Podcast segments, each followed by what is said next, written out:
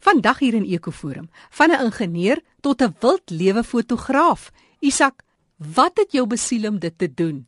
En wat is jou eintlike lewenstaak? Hoekom doen jy dit? Ja, weet jy Jackie, dit gaan eintlik nie vir my noodwendig oor die fotografie aspek daarvan nie. Dit is meer oor bewaring, 'n manier om die natuur te geniet. En wat ek probeer doen is bewaring. So as ek mooi fotos kan neem van die natuur en vir die mense daar buite kan wys hoe mooi ons natuur is, dan kan ek hulle opgewonde kry oor die natuur.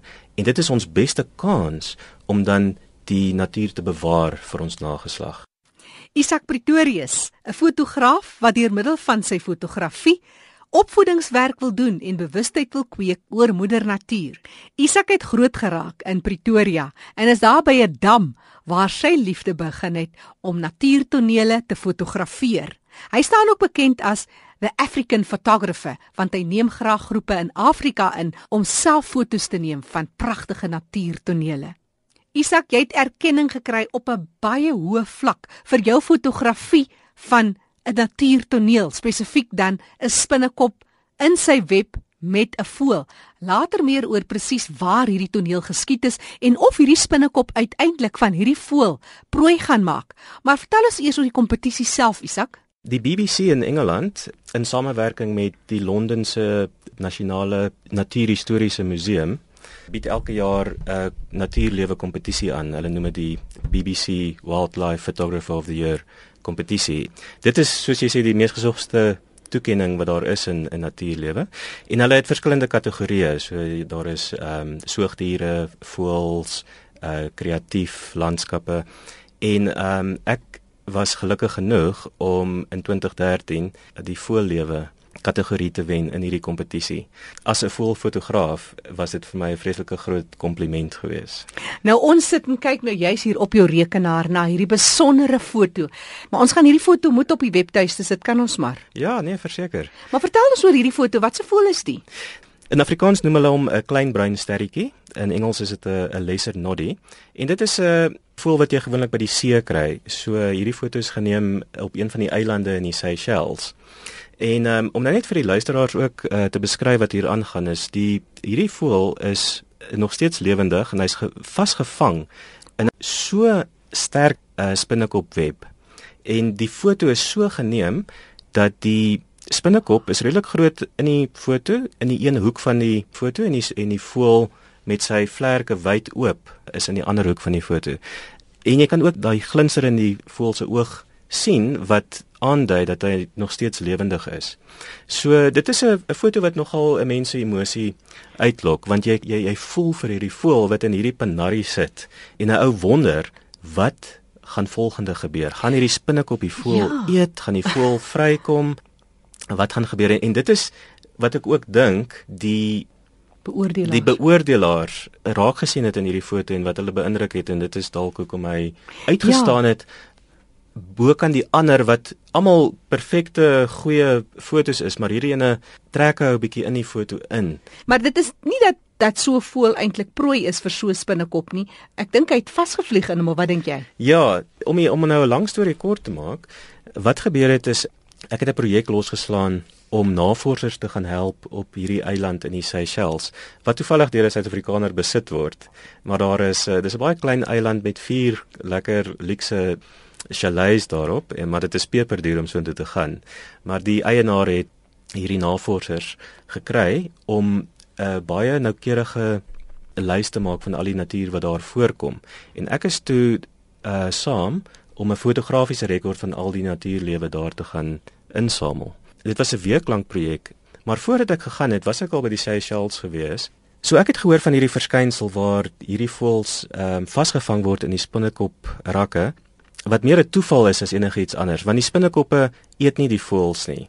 Dit is net dat hierdie spesifieke spinnekop se rak so sterk is dat dit enigiets van 'n vleermuis tot 'n voël sal vasvang as hy toevallig daardeur vlieg. En uh, dit gebeur nie baie nie, maar ek het gewonder of ek dit sal raak sien. En in hierdie week wat ek die projek gedoen het, het ek altyd gekyk in die hoekies van die van die bome en agter die klippe of ek nie so raak sal raak sien en dalk hierdie verskynsel sal sien nie. Maar um, die hele week het verbygegaan en ek het niks gesien nie tot die laaste oggend. Oh. en um, ek het uitgegaan saam met die navorsers. Ons het 'n paar uh, krappe gaan afneem op die strand en ek het toe teruggegaan vroeër uh, sodat ek my klere kan gaan pak en op pad terug na my kamer toe sien ek toe hierdie verskynsel. My eerste reaksie was dat dat jy die voël wil bevry. Maar ehm um, ek het toe gedog, laat ek myself mm. distansieer van die situasie en dit dokumenteer. Dit was eintlik nogal 'n redelike moeilike foto om te neem in die opsig dat jy weet die lig was vreeslik swak. Dit was kolle van helder sonskyn en kolle van skaduwee wat op hierdie spinnerak geval het in 'n donker deel van die woud. En so speel 'n mens rond en so word jou uh, kreatiwiteit ook gestimuleer. In Engels sê ons you work the scene mm -hmm. en uh, en wat dit beteken is dat jy hierdie toneel voor jou het en jy gebruik verskillende lense en verskillende hoeke totdat jy op die einde uh, 'n uh, beeld kan vorm wat al hoe beter en beter en beter lyk ek het na die tyd gaan kyk. Hierdie was my 150ste foto gewees. Gelukkig het jy toneel. tyd aan jou kant gehad dat dit nie een van daai natuurtonele is wat binne 'n oomblik verby is nie. Ek meen, ja. voel is vasgevang in hierdie in hierdie spinnerak. Nee, ek het verseker gelukkig ehm um, die diere het nie weggegaan nie. So ek het hierdie proses gegaan totdat ek op die ouende besluit het dat hierdie manier hoe ek die vlerke sal afsny om die voël steeds groot te hou in die raam en die spinnekop groot hou in die raam dat dit die een is wat die meeste indruk sal skep.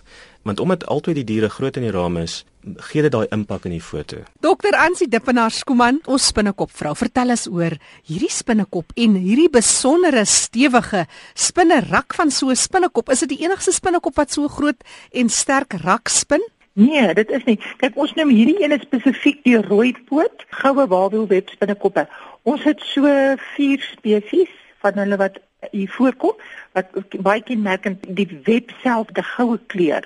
Dit maak hulle nogal heel besonder. Hulle behoort aan die familie Nephilidae Maar dis groot spinnekoppe. Kyk hier wyfie kan 30 tot 40 mm in grootte wees. Dit is net haar liggaamslengte en dan die mannetjie is baie kleiner. Die mannetjie is omtrent 'n derde as dit nie nog kleiner is van die wyfie se grootte nie. So daar's 'n geweldige groot verskil in grootte tussen die twee. Maar dit is 'n vreeslike mooi spinnekop want die die die karpaks, die borsgedeelte is silwerkleurig en dan die agterlyf het 'n hele band, die amper 'n U-vormige band van silwer en dan is dit daar patrone met swart en wit patrone in En hoekom ons hom nou juist die rooi poot noem is as jy teen die lig kyk kan jy sien dat hy sulke rooi bande in in sy pote in. Kyk baie spinnekoppe maak wawielwebbe, dis 'n wawielweb wat ons hier, hier kry. En maar daar's 'n groot groep van hulle wat die webbe net in die nag maak, so hulle verwyder hom vroegoggend. Maar dan is 'n paar van die spinnekoppe soos hierdie goue wawielweb spinnekoppe en daar's van die tuinspinnekoppe wat hulle die web bedag sien jy hulle in die webbe sit. So dit is nogal baie kenmerkend hierdie spinnekoppe wat wat jy dan wat die wat die publiek eintlik sien. Die meeste van die ander sien nie want hulle is net in die nag aktief. Nou wat gebeur nou so in die oggend dan met so 'n web? Vreet hulle dit op ja. of hoe word dit ja, van Ja, weet jy dit studies gedoen nou goeie dat hulle sê binne 20 minute is daai sy weer beskikbaar. So hulle rol letterlik die sy op en dan kan hulle dit opvreet en dan is daai sy baie vinnig weer beskikbaar vir hulle om weer weer, weer 'n web te maak. Ons het een van hierdie bas binnekoppe die vroegoggend na 'n groot web gemaak het, het ons nog iets so 6 69 manstreë sy uit die spinnekop kon uittrek en toe toe sy nou droog. maar hulle hersikuleer die sydraad weer. Dis dis lekker is eintlik ongelooflik as jy dink as die son sak dan kom daar massa spinnekoppies uit en dan bou hulle hierdie verskriklike mooi wawielwebbe. Oral hierdie nag dan vang hulle nou allerlei vleene en springende goed en vroegoggend dan word daai babytjie verwyder en dan gaan sit hulle ergens op 'n takkie of 'n blaartjie of goeders baie goed gekamoufleer. Nou hulle webbe is groot en dan so ek sê die die strale is geel en dan die daar's 'n taai bande wat hulle in die middel dan in 'n sirkel rond lê en dit is die bande wat nou eintlik die taai veroorsaak en enige iets wat regtig daarin sal vasvlieg of vasspring sal dan in hierdie in hierdie webbe gevang word is groot stewige webbe.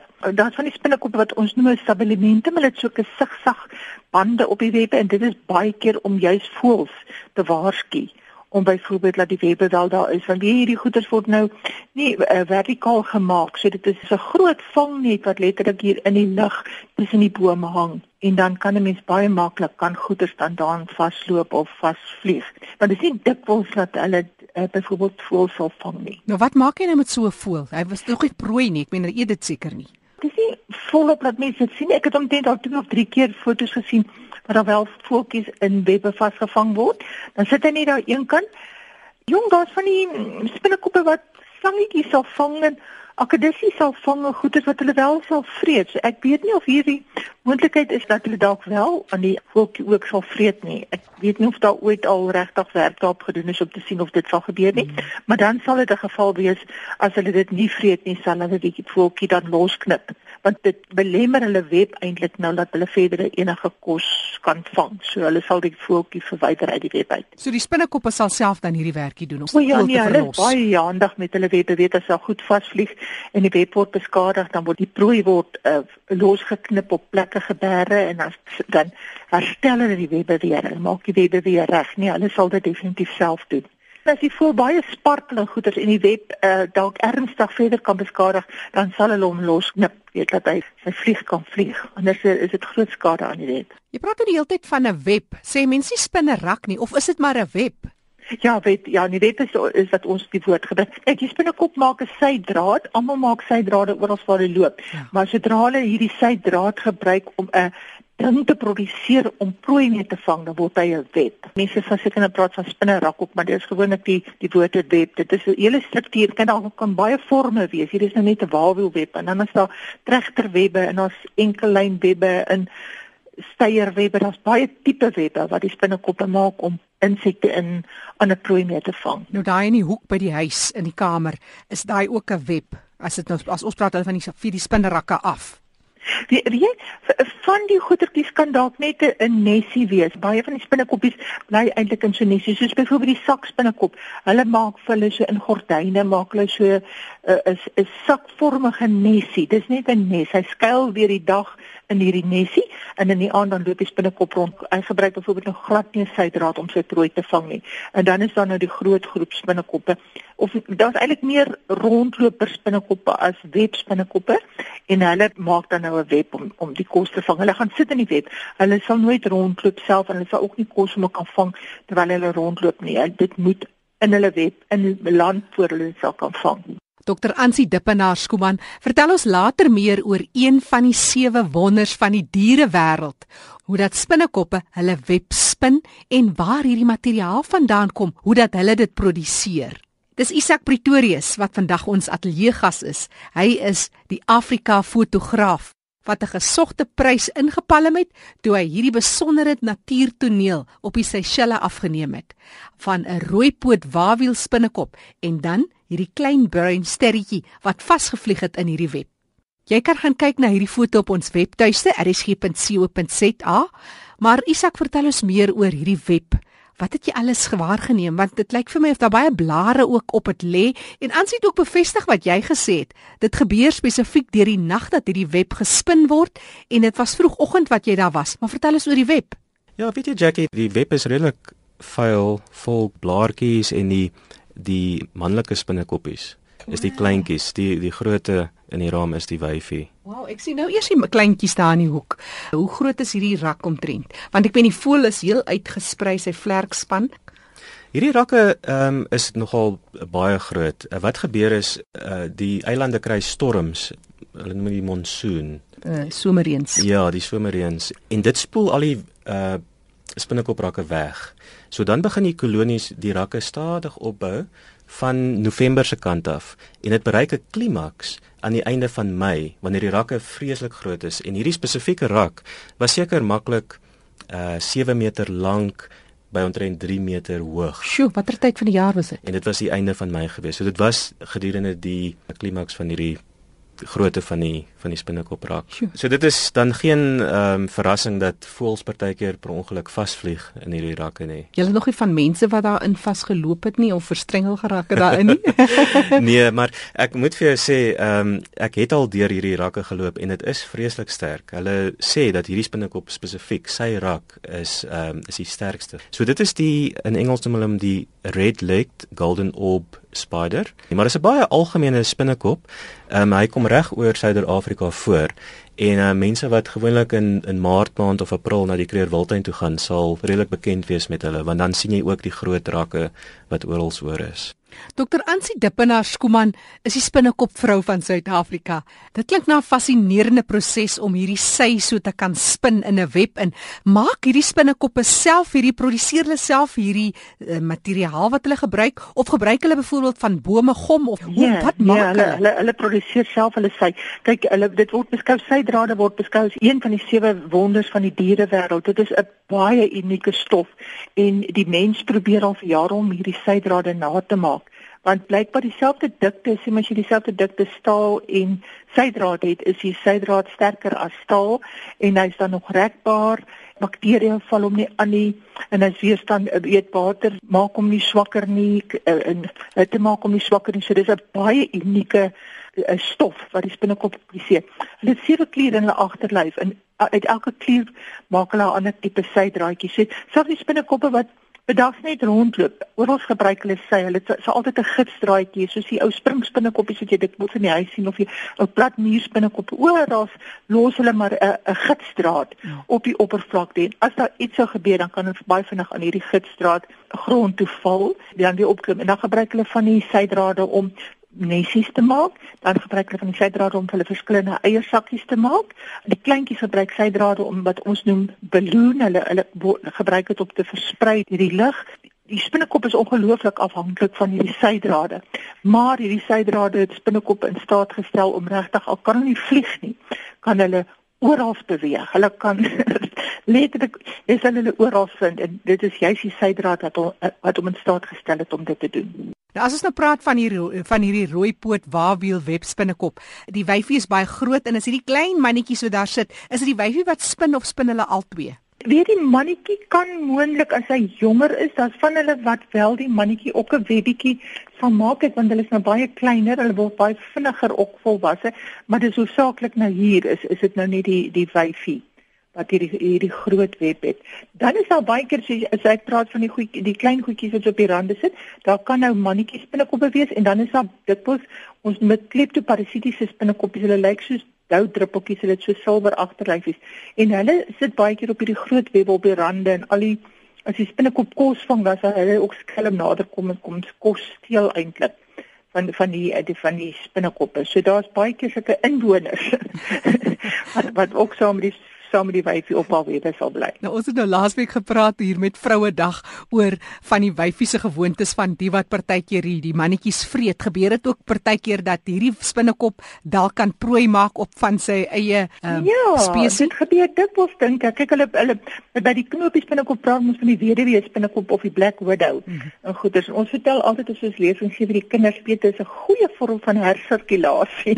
die wyfie, en nou sy moet nou nog die eiertjies lê en die kleintjies op oppas goed is in die mannetjie gewoonlik na 'n paar en dan gaan hy dood. So dis so dit dit kan dikwels gebeur. Mm -hmm. laat die laat die uh, mannetjie dalk den prooi val van die wyfie. En hierdie spinnekop soos Isak ook gesê het kom in Suid-Afrika voor. Dis nou op die Seychelles ja, wat hierdie nee, foto geneem is. Dit is baie interessant jong verlede jaar baie jare dan dan is is hierdie wabielweb spinnekoppe kyk is dat daar's al twee spesies wat verskriklik oral in die land voorkom. Ek dink dit is verlede jaar vir jaar voor dit het die mense vir my honderde foto's dwars oor die land gestuur want dit het gesê hulle het hulle nog nooit daar gekry nie. Hierdie spesifieke een is geneig om meer ons kry meer algemeen in KwaZulu-Natal, meer in die in die woudgedeeltes hmm. en in die koue kuswoude van van van KwaZulu-Natal. Hulle is by ons sal hulle byvoorbeeld nie sommer in Gauteng kry of in die Vrystaat kry nie. Hulle is meer daar in die woudgedeeltes van die land, maar hulle hmm. kom hier voor ja. En so gesels Dr. Ansie Dippenaar Skuman, sy's 'n spesialis wetenskaplike verbonde aan die Landbou Navorsingsraad wat vir ons bietjie lig gewerp het oor hierdie wenfoto van Isak Pretorius wat vir ons van sy wenfoto vertel. Dit is die gesogte internasionale uh, eh, BBC se wildlewe fotograaf van die jaar. Hy het die toekenning ingepalm na aanleiding van hierdie pragtige foto. Jy vat ook uh, mense in Afrika in wys hulle so bietjie oor hoe om 'n fotograaf in jou na vore te bring. Maar wat is jou gunsteling dier om af te neem? Ja, ek kry inspirasie deur alles wat ek sien in die natuur, alhoewel ek sou myself klassifiseer as 'n meer as 'n voelfotograaf, as 'n dierfotograaf of 'n landskapfotograaf, alhoewel 'n mens al daai genres uh, doen. Ek het begin as 'n voelfotograaf toe ek nog gewerk het as 'n bedryfsingenieur en ek het dit as 'n as 'n stokperdjie gedoen. Mm. Maar dit het toe 'n baie passievolle stokperdjie geword totdat ek op 'n stadium dit kon doen as 'n voltydse werk. En van ingenieurswese na na fotograaf. Dis korrek. Ja, dit is nogal redelik Dit is 'n skuif. en um, en nou doen ek dit voltyds en um, Mense vra my altyd nou maar hoe maak 'n ou geld uit natuurlewe fotografie? Een ding is wat mense nie besef nie is niemand koop regtig meer natuurfotos nie. In die ou dae toe daar 'n handjievol natuurfotograwe was, het hulle baie goeie lewe gemaak deur hulle werk te kon verkoop. Maar deesdae het dit so maklik geword om goeie fotos te neem met die tegnologie wat ons ja. het dat almal goeie fotos neem. En so die hele mark van van goeie wildlewe fotos is gevloed so die die manier hoe ek gehelp maak is ek neem mense op fotografie safaris na van die wildlewe kom ons noem dit hotspots reg oor Afrika. So plekke soos die Okavango Delta, uh, die Masai Mara in Kenia, mm. ehm mm. um, die Serengeti, Suid-Luangwa in Zambia, al die plekke waar 'n ou weet dit 'n goeie fotos van wildlewe kan kry. En ek verduidelik op die toere vir die mense hoe om fotos te neem en ek kry die mense om hulle eie absolute topfoto's te neem. Nou vir almal wat nou nie deel kan wees van so 'n ekspedisie nie, gee vir ons een of twee wenke. Hoe gaan ons te werk? Ek dink as 'n ou begin met uh, wildlewe fotografie is die beste wenk wat ek kan gee is om 'n plek te gaan identifiseer wat redelik naby jou huis is waar daar 'n klomp wildlewe is. Ek miskien 'n klomp gaanse, wilde gaanse, klomp voëls, miskien 'n paar soogdiere jy weet ek het in Pretoria groot geword en ek het altyd na Rietvlei dam toe gegaan wat net om die draai is. Ja.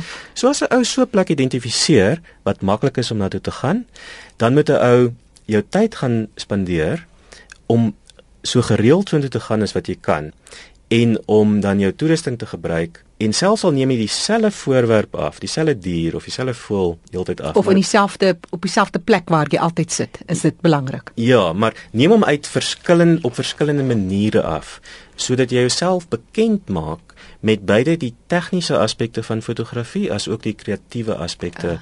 wat jy kry deur verskillende lense en verskillende hoeke en verskillende tye van die dag, dag mm. en die dinge te doen. So oefen eers op so 'n plek. En al is dit nou nie die mees indrukwekkendste dier nie, deur net om op verskillende maniere af te neem, bou jy 'n goeie kennis op van van hoe om hierdie toerusting te gebruik en hoe die lig werk en al daardie dinge. Sodat as jy eendag na die lekker plek toe op die Masai Mara toe gaan. Ja as jy nou eendag op jou droom ekspedisie gaan dan is jy geoefen mm om dan regtig goeie foto's te neem sonder om te veel daar te dink. En lense moet jy ou moet seker maar klein begin of moet jy een keer vir jou sommer 'n goeie lens koop? Ja, ek dink ons almal betaal altyd skoolgeld wanneer dit kom by lense. Uh, maar ons almal begin met 'n kleintjie en, en baie vinnig kom jy agter maar jy wil meer hê. 'n Goeie wenk wat ek kan gee is dat daar's baie maatskappye deesdae in Suid-Afrika wat lense uithuur. Wat ek sou voorstel is hier van hierdie lense wanneer mm. jy op jou naweek kry wildtuin toe gaan of na die natuurreservaat naby jou huis en probeer die verskillende opsies om dan te besluit watter ene is jou gunsteling lens, watter ene werk die beste vir jou. Want ehm um, dis nie noodwendig dat dit altyd die langste lens, die grootste een of die swaarste een is nie. Ehm um, dit hang af wat jy afneem. Jy weet voelfotograwe het 'n langer lens nodig as mense wat net diere vir uh, afneem byvoorbeeld. Gewig is ook 'n iets om in, in ag te neem. Uh, jy weet want hierdie lense kan swaar wees en as jy gaan rondstap met die lens, kan jy definitief nie 'n baie swaar ja, lens koop ja. nie. Maar as jy heeltyd uit jou voertuig gaan afneem, dan maak dit nie saak nie want jy kan hom rus op jou op jou venster. Isak Pretorius wat gedeel het met ons iemand wat groot geraak het daar in Pretoria omgewing en soos hy vertel van die Rietvlei dam dis jou eerste ervaring met natuurfotografie Ja, ek was altyd uh, geïnteresseerd in natuur en soos meeste Suid-Afrikaners, ehm um, toe ek groot geword het, het my familie Krewilton toe gegaan en ja. Laagveld toe gegaan gedurende die vakansietye. Maar uh, toe ek begin het met fotografie, was Rietvlei dam die eerste plek wat ek uh, gereeld na toe gegaan het om my jou vaardighede my vaardighede te gaan slyp. Mm, dit klink mooi. Ek kan nie aan 'n plek dink in Suid-Afrika waar jy nie 'n mooi natuurtoneel sal kan afneem nie. Dit is waar ons is baie bevoordeel. Ek het nou al getoer na Europa en Japan toe om te gaan foto's neem daar en um, ek het dit weer besef hoe gelukkig ons is om soveel natuur lewe reg op ons agterstoep te hê. En dit is aan die een kant 'n bietjie van 'n nadeel want jy weet 'n ou raak blasé daaroor ja. en ek kan sien die mense in in Europa moet regtig dink en hulle moet innoverend wees mm. op die hulle diere gaan afneem want daar is so min maar ons kan letterlik maar net na die om die draai van ons huis gaan en jy kan nog steeds goeie foto's kry.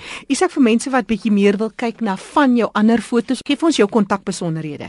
Ek het 'n webwerf, mm -hmm. uh, dit is theafricanphotographer.com. En my telefoonnommer is uh, 082 340 8625. En so gesels Isak Pretorius. Isak is die BBC Wildlewe fotograaf van die jaar na aanleiding van 'n pragtige foto wat op ons webtuiste pronk gemaak het draai erisg.co.za. Jy kan ook weer luister na hierdie insetsel en daar is al sy kontakbesonderhede. Net gou-gou weer sy webtuiste, dis theafricanphotographer.com.